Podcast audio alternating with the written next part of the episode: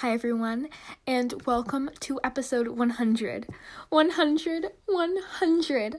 All I can say about that is wow. When I first started this podcast way back in June, I thought that I'd maybe make 10 shows, but here we are on episode 100. Thank you so much for listening all this way. It really is incredible and it means so much. Anyways, it's time to go to the factory. In case you don't remember, the factory was a tire factory about a quarter mile deep in the Carolina woods. I actually had to go back and listen to my own recap episode from the beginning of July because I didn't even remember all the little details. Anyways, I guess it's time to go. I'll start recording again when I get there. Hey, so it's about a quarter mile walk to the factory, but I decided to walk about halfway.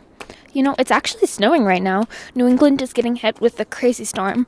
I thought we were going to get a snow day because there's no way people who are going to the school building could get there, but we just got the call a few hours ago and everyone is having a remote school for the day. I'm a bit annoyed. I think it'd be nice if the schools would just let snow days be like normal. I may be the only person who thinks this, but I don't really mind having extra days in the summer. Anyways, that's my super random two cents on the snow day debate. We're here. I'm going in and I am not going to scream at any spiders today. Oh, there's the ace on the floor. It looks more worn down than last time we saw it. I guess I'll go down to the basement now. If you don't remember, Liv and I found a trapdoor under an ace spray painted on the floor last time we were here. Um. Okay, I'm down. And.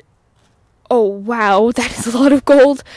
Oh my god, listeners, I mean a lot. There's at least 50 small bricks. It must be worth a fortune. oh, part of me wants to take them for myself, but I can't do that. Answers from the robot lady are more important. Oh, how am I going to get all of them to the pit? There's too many for me to carry, and my bag is full of stuff.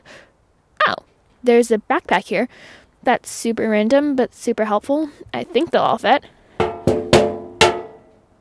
What was that? Oh my god. The trapdoor to the basement I'm in. It fell shut. Oh my god, how am I gonna get out? I can't believe this. Uh, it won't open. Help! Somebody help!